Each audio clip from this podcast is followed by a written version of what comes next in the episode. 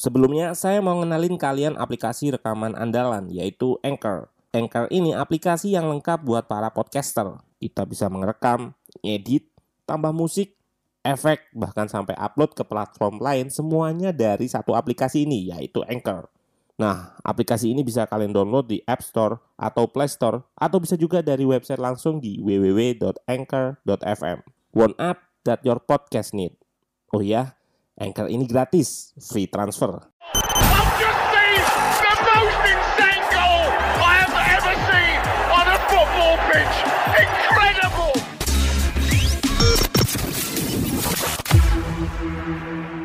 Halo, selamat datang di podcast Ruang Taktik episode yang kedua bersama saya Sunday Pet Ranger.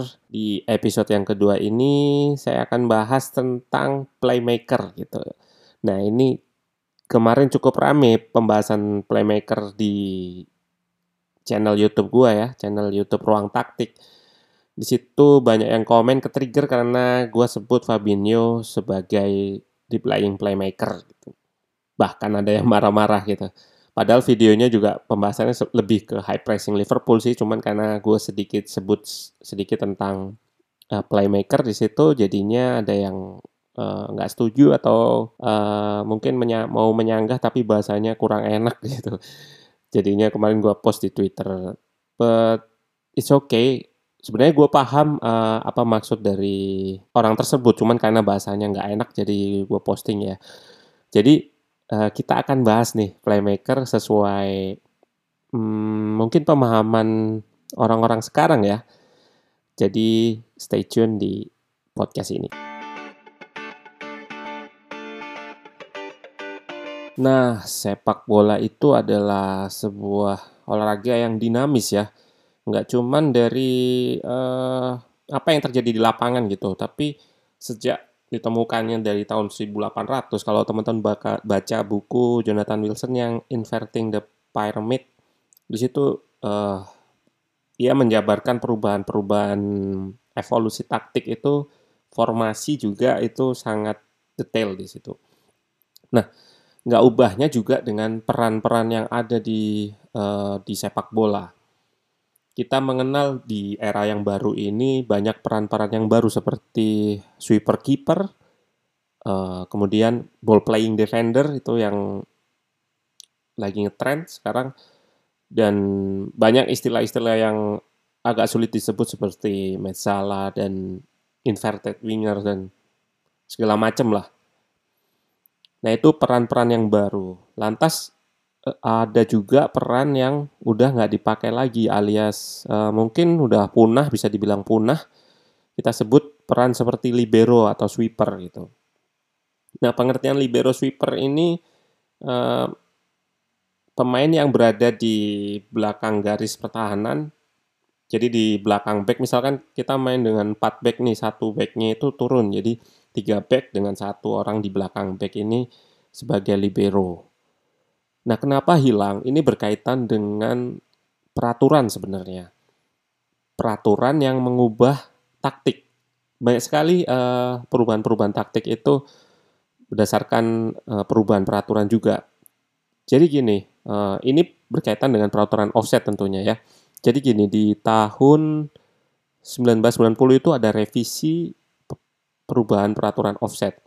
Jadi dulu kalau ada back uh, satu aja menggantung dan striker yang di depan back ini itu offside itu. Bisa bayangin kan? Misalkan nih Liverpool, Liverpool tiga backnya uh, TAA, Gomez, Van Dijk, sama Robertson ya di kiri.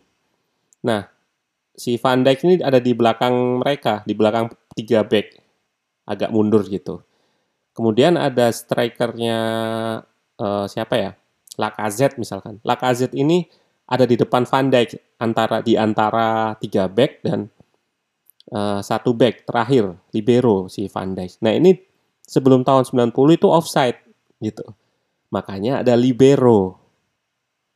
Karena dengan ada pemain yang menggantung tetap offset. Nah semenjak tahun 90 ada perubahan offset rule ini. Siapa pun pemain yang uh, dia depan itu nggak offset sampai dia selevel atau lebih sedikit gitu sampai sekarang. Adanya VAR ini bahkan apa armpit itu kelihatan offset yang sering rame-rame bahkan uh, apa jempolnya John Landstrom kemarin offset juga gitu. Nah inilah yang mengubah uh, sepak bola, peraturan yang mengubah sepak bola, taktik sepak bola dan menghilangkan sebuah peran gitu. Bahkan di tahun 1925 itu offset itu ada dua. Jadi kalau ada dua back itu offset, apalagi satu ya. Jadi masih ada dua back, misalkan Joe Gomez sama Van Dijk itu, itu meskipun ada strikernya masih di depannya itu offset. Itu tahun 1925. Itulah kenapa di tahun-tahun segitu formasinya itu kayak piramid yang dibalik. Itu mungkin salah satu alasan judul dari Jonathan Wilson itu Inverting the Pyramid itu seperti itu. Jadi karena tahun awal dulu sepak bola formasinya 2-3-5 seperti itu 3-2-5 formasi WM WM itu 235 atau 325 yang disempurnakan dengan 325. Itu tadi karena offset itu dua ada dua back di belakang itu masih disebut offset, makanya banyak striker.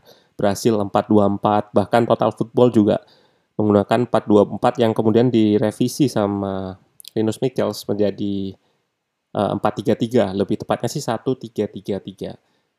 Jadi itulah kenapa formasinya satu tiga tiga itu ada interchange position di situ nggak nggak masalah yang penting namanya total football kan jadi semua pemain uh, mempunyai apa ya peran peran masing-masing tahu perannya masing-masing nah kita balik lagi ke playmaker gitu nah playmaker ini salah satu yang mengalami evolusi karena perubahan-perubahan ini kita tahu playmaker di tahun 90-an, medio 90-an itu ada pemain-pemain yang kita sebut playmaker dalam tanda kutip. Kenapa gue bilang tanda kutip? Karena udah mulai berubah ya.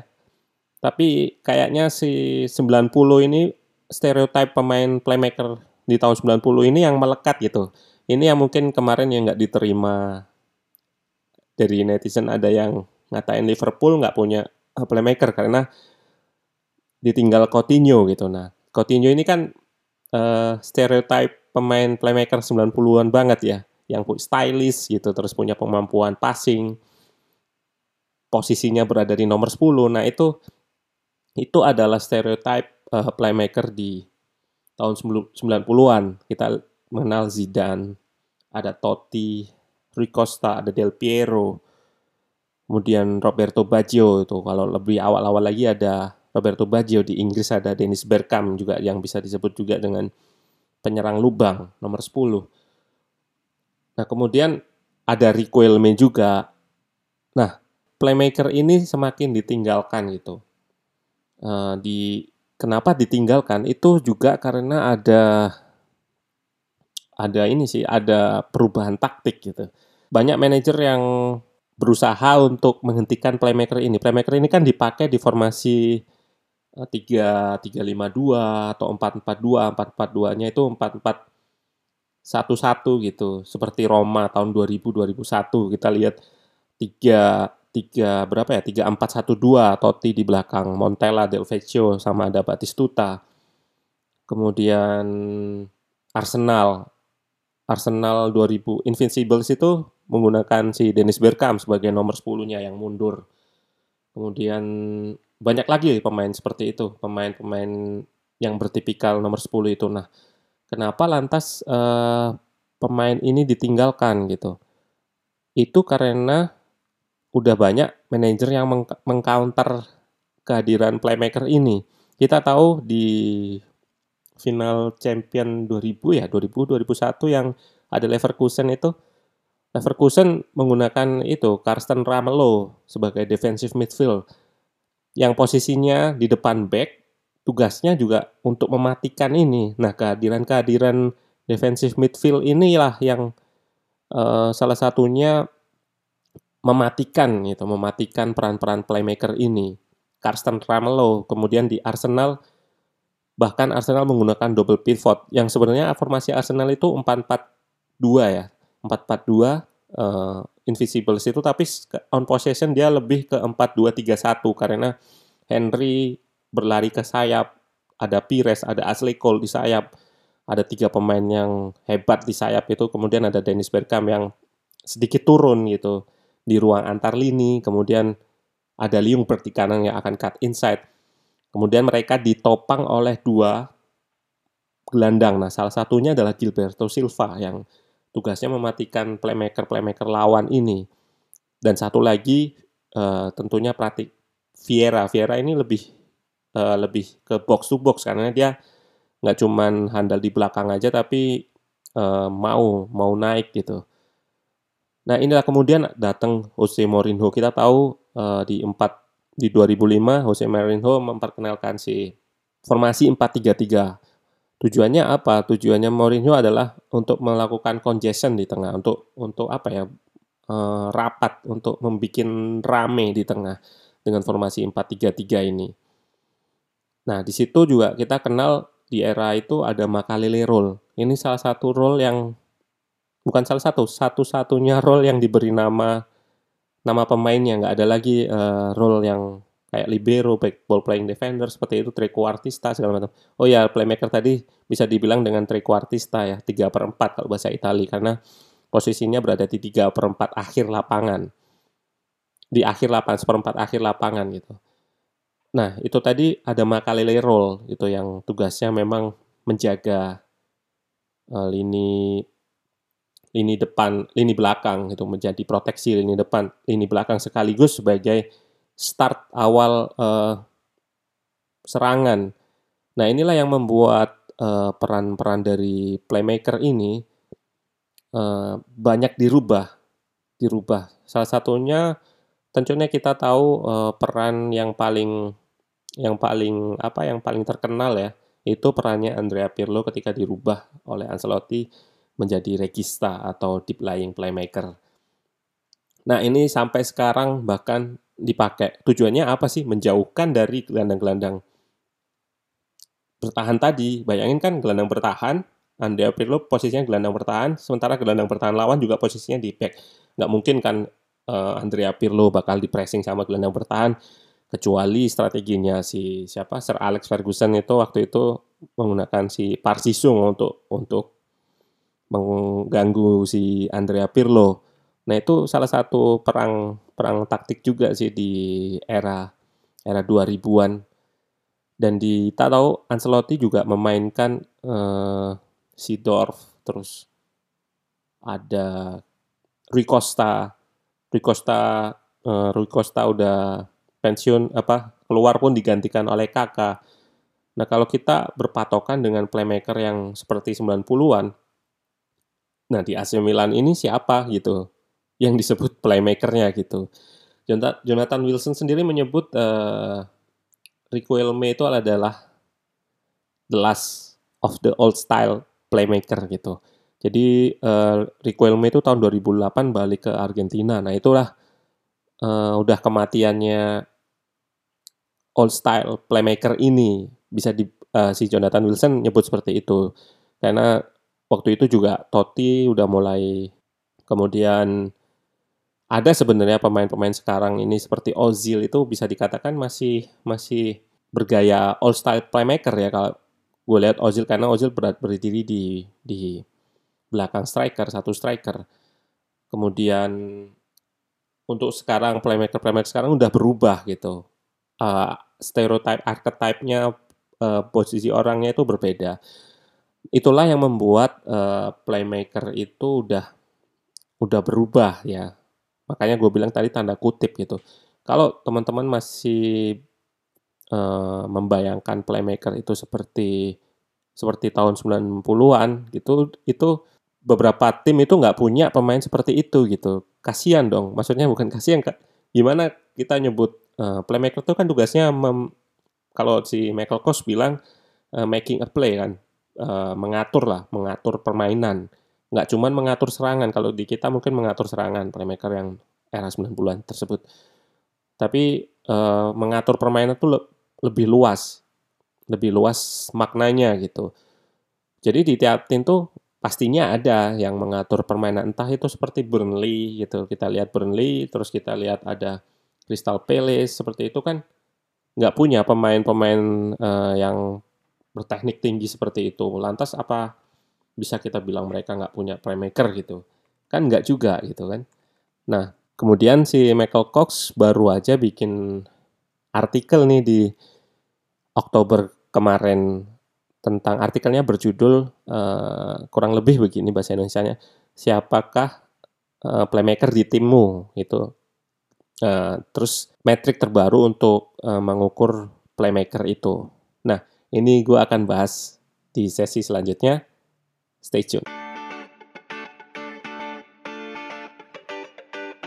Oke, okay, di artikel tersebut juga disadur ya, dikut dibikin di artikel oleh Pandit Football juga di versi bahasa Indonesia dengan judul parameter statistik untuk menentukan playmaker sebuah tim. Di teman-teman bisa search di Pandit Football itu artikelnya. Di situ menyebutkan parameter stati statistiknya itu shot ending sequence involvement atau bisa dibilang gini, uh, rangkaian yang ber shooting, shooting ke gawang gitu.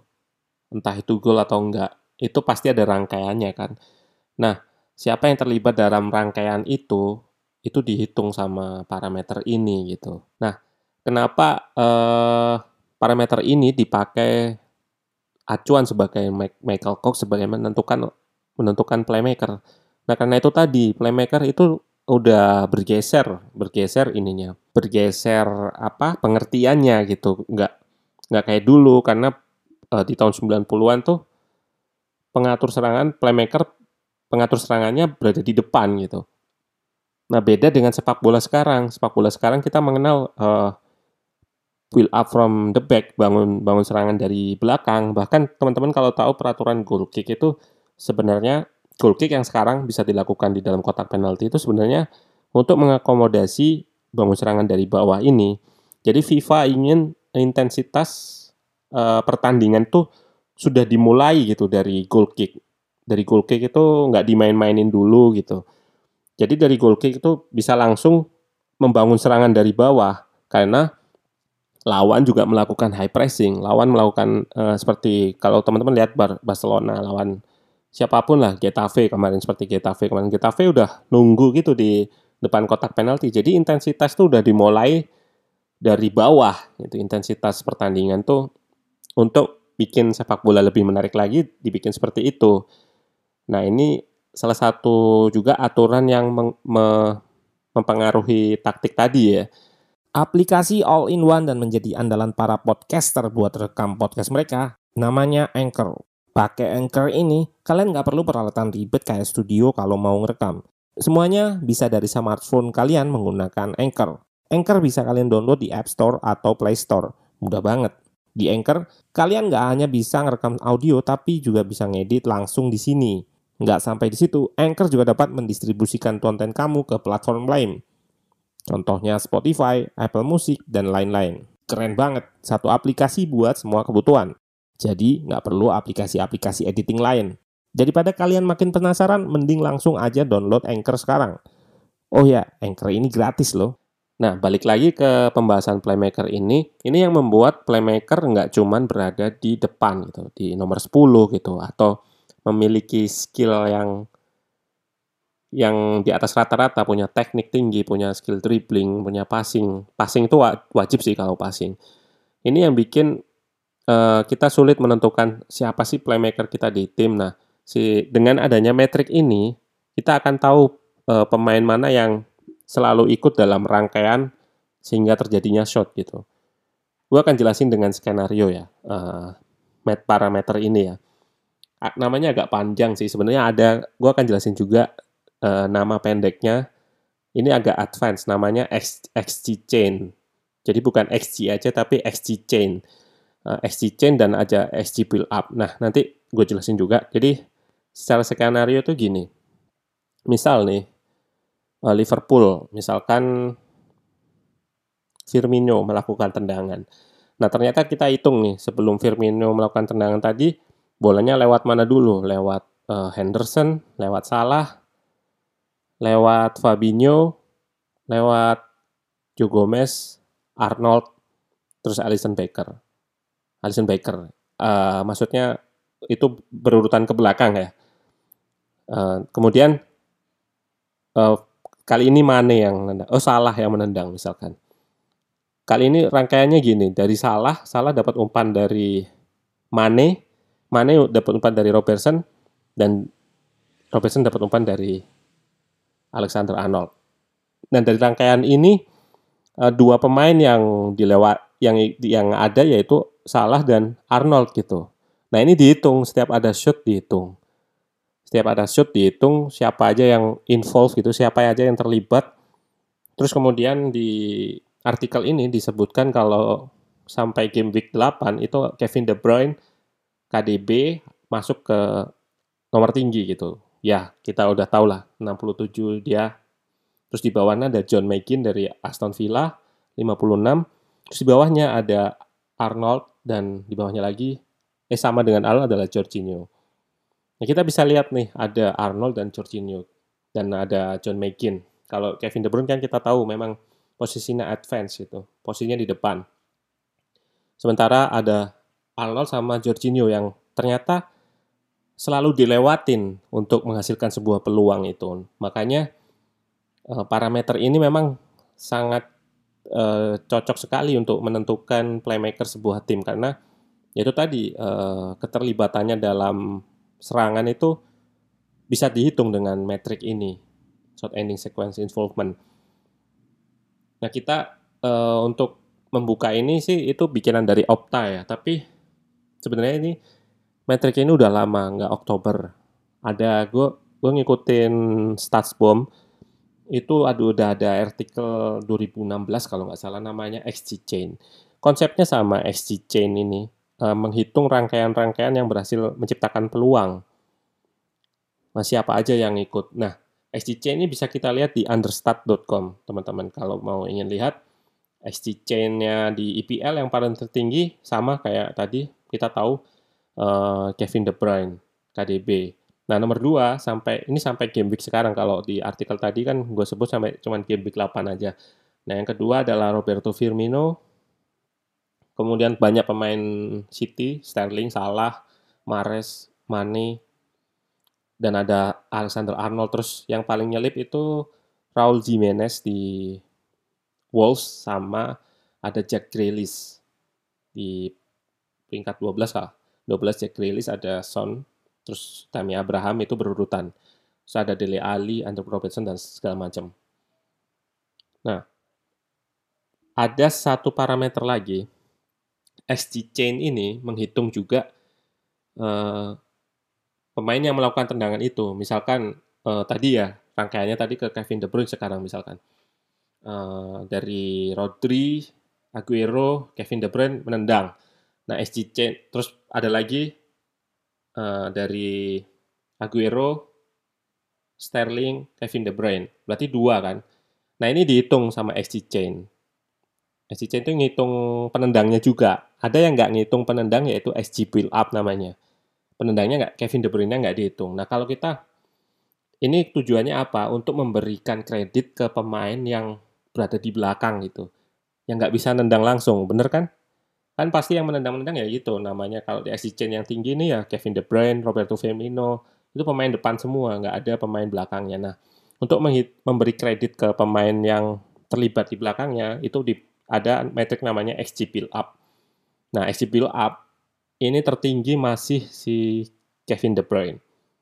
Jadi meskipun dihilangkan dia ikut nendang tadi dihilangkan, tapi Kevin De Bruyne ini masih aktif dalam bangun proses bangun serangan. Kita tahu memang ya seperti itu ya, didominasi oleh Manchester City gitu. Kevin De Bruyne, Rodri, Fernandinho, dan Gundogan. Ini pemainnya agak turun lagi kan, agak ke belakang maksudnya. Nah, ke, yang di luar City itu ada Jorginho, terus Nah, ini yang gue sebut juga Under Robertson dan TAA ada. Liverpool paling tinggi itu XG build up-nya. Terus ada Kyle Walker. Nah, di yang ke tim lain selain Liverpool dan City dan Chelsea tentunya tadi Jorginho ada Granit Saka ikut di build up. Kemudian kita cek lagi ada Van Dijk, banyak pemain Liverpool City dan Liverpool karena yaitu tadi karena mereka uh, dari sisi peluang tuh memang makin ba paling banyak ya. Nah, kemudian ada nama Ruben Neves di Wolves, Enda Steven dan Yuri Tillmans di Leicester, Jack Grealish ada lagi, Fred Manchester United itu paling tinggi Fred, kemudian ada Lewis Dang.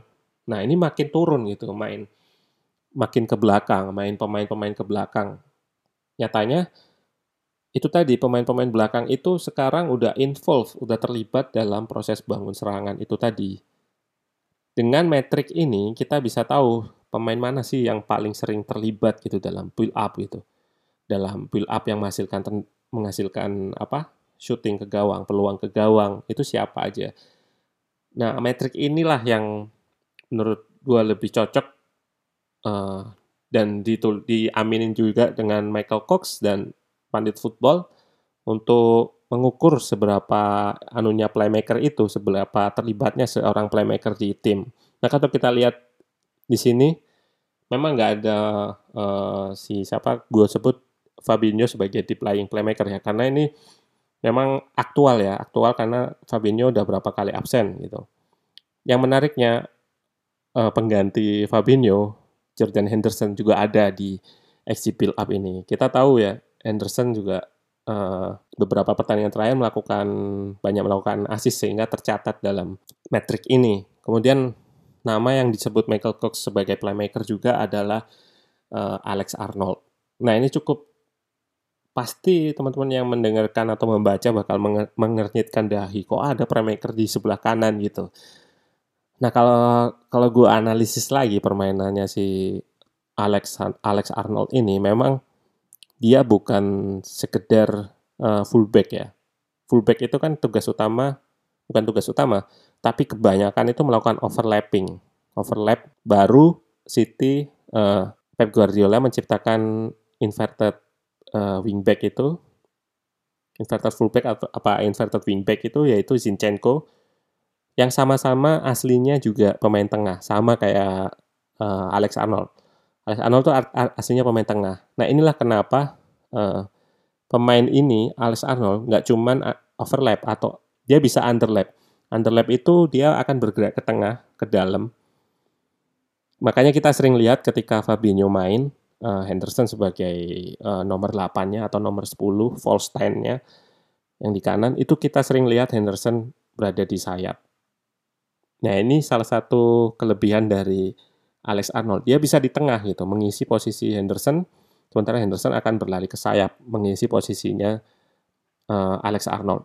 Kenapa? Uh, ke, apa sih uh, keuntungan pergerakan ini? Keuntungannya untuk ketika diserang balik, Arnold yang uh, fullback yang biasa jauh gitu, overlapping, itu akan berlari ke belakang jauh gitu. Betul kan kalau kena serang balik? Nah, dengan inverted wingback ini, inverted wingback ini, fullback nggak perlu jauh-jauh baliknya karena dari tengah gitu. Ini salah satu keuntungannya. Kemudian peran Arnold lain yaitu melakukan switch play. Nah ini gue pernah bahas juga di Twitter. Um, pemain yang berada di tepi lapangan itu rentan kena pressing. Salah satu trigger pressing itu bola ketika berada di tepi lapangan. Kenapa? Karena gini, kalau kita di tepi lapangan, itu opsi umpannya itu cuma sedikit. Bener kan? Itulah kenapa trigger pressing atau pemicu untuk melakukan pressing ketika bola berada di pinggir. Nah, biasanya bola kalau udah di pinggir tuh langsung high press atau pressing dengan sengit, pressing pressing dengan intensitas yang yang yang tinggi gitu. Nah, ini ketika bola dipegang Arnold sama juga tim-tim lain akan melakukan pressing gitu. Nah, Arnold dengan karena dia punya ini komposur sebagai pemain tengah dia cukup tenang dan dia punya akurasi untuk melakukan switch play melakukan umpan lambung ke sisi lain padahal eh, pertahanan lawan atau high pressing lawan itu udah mendekat nih ke Arnold udah bergeser ketika dipindah mereka jadi disorganisasi mereka harus bergeser lagi ke arah Robertson nah ini adalah salah satu keunggulan Liverpool juga ya Liverpool uh, untuk melakukan switch play ini cukup sering Liverpool melakukan switch play dan gue pernah uh, di game week berapa gue pernah ngitung statistik long ball-nya itu nomor tiga, nomor satu, nomor satu itu siapa Burnley atau Sheffield gitu. Pokoknya tim-tim yang kayak gitulah. Dan nomor tiga ini Liverpool. Long ballnya nggak digunakan seperti Burnley untuk melakukan uh, apa ya? Sama sih sebenarnya untuk melakukan direct direct ball. Kita kita lihat kemarin uh, waktu lawan Norwich itu cukup sering Henderson sempat assist dan Firmino sempat punya peluang dan beberapa peluang lagi juga seperti itu. Memang digunakan Liverpool untuk melakukan bypass gitu Nah, bedanya dengan Burnley atau Sheffield United atau apa, Liverpool juga bisa melakukan uh, ball possession gitu, melakukan uh, permainan pendek-pendek seperti City gitu bisa. Nah, inilah salah satu keunggulan Liverpool ya. Liverpool itu bisa dibilang tim yang versatile, tim yang serba bisa gitu, serba bisa me melakukan permainan, nggak terpatok dengan seperti City kita tahu possession gitu, possession aku harus possession terus gitu ada kalanya uh, Liverpool melakukan long ball gitu, sementara City enggak. City enggak begitu, meskipun pernah pasti ya, tapi enggak segencar Liverpool melakukan long ball itu sampai dia berada di peringkat 3 atau 4 itu yang tim yang paling banyak melakukan long ball.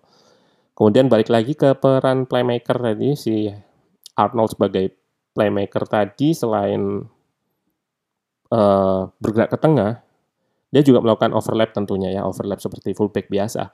Nah, dia di di tengah itu bisa melakukan early early cross. Ini sering banget kan. Early cross ini tujuannya untuk apa? Uh, untuk melawan pertahanan yang rendah gitu.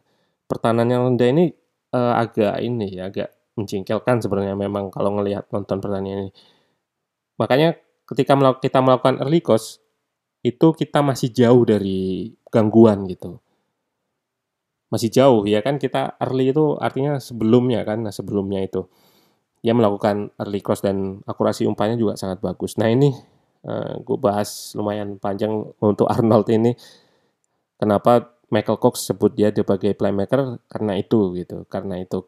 Jadi uh, itulah kenapa playmaker udah bergeser ya. Gue bilang udah mengalami evolusi bahkan playmaker-playmaker yang mungkin teman-teman masih di bayangan teman-teman yang seperti kemarin Coutinho hilang terus dibilang Liverpool nggak punya playmaker itu itu udah udah nggak ada gitu nggak ada karena uh, itu tadi formasi juga uh, berubah 4-2-3-1 oke lah masih digunakan ya tapi formasi yang modern tuh 4-3-3 ketika Barca udah memperkenalkannya gitu false and uh, nomor 10-nya udah nggak berada di belakang striker tapi justru ada di kiri kanan striker. Paham kan? 4-3-3 itu 4-1 2. Duanya ini adalah uh, biasanya playmakernya. Kita tahu Iniesta berada di sini kan, Iniesta. Di belakangnya pun uh, di sampingnya pun bisa ada Safi terus ada Busquets. Nah, inilah uh, sebenarnya apa evolusi dari playmaker itu sendiri udah menjadi false 10 dan false 8 gitu. Kalau kita bilang seperti ini terus nomor 10 pemain yang berada di belakang striker ini siapa dong? Kan ruang ini kosong jadinya. Nah, inilah juga salah satu taktik dari Liverpool dan Barcelona yaitu menggunakan false 9. False 9 ini tujuannya memang untuk mengganti nomor 10 tadi. Karena striker yang harusnya nempel ke back dia turun ke ke belakang agak mundur gitu the space between the lines ke ruang antar lini untuk menerima bola. Nah ini kerjaannya Messi dan uh, Firmino. Itulah kenapa di SG chain uh, Firmino tinggi gitu. Di SG chain tadi Firmino Firmino oh, nomor berapa? Nomor dua kalau nggak salah. Kita lihat di La Liga juga Messi yang paling tinggi uh, SG-nya. Tapi kalau kita balik ke mana ini sebagai gambaran juga ke SG build up gitu nggak ngitung ke nggak ngitung tendangannya pemain. Nah kita lihat di Bundesliga itu SG build up-nya itu coba siapa tebak? Ya Joshua Kimmich. Nah kita tahu ini udah berubah. Artinya uh, itu tadi teman-teman yang berpikiran playmaker harus ada di nomor 10 terus mempunyai kemampuan seperti itu itu udah berubah gitu. Karena itu tadi permainan tuh udah dimulai dari belakang bangun serangan itu dari belakang. Di Bundesliga itu si Joshua Kimmich nomor 2, Alfonso Davies, Benjamin Pavard, Thiago Alcantara, dan David Alaba. Ini hampir semuanya pemain belakang. Terus di nomor 6 ada Achraf Hakimi, pemain Dortmund, Julian Brand dan Akanji dan segala macam lah. Itu di Bundesliga. Gue cek juga nanti di di Serie A itu Miralem Pjanic yang di SC build up-nya yang paling tinggi.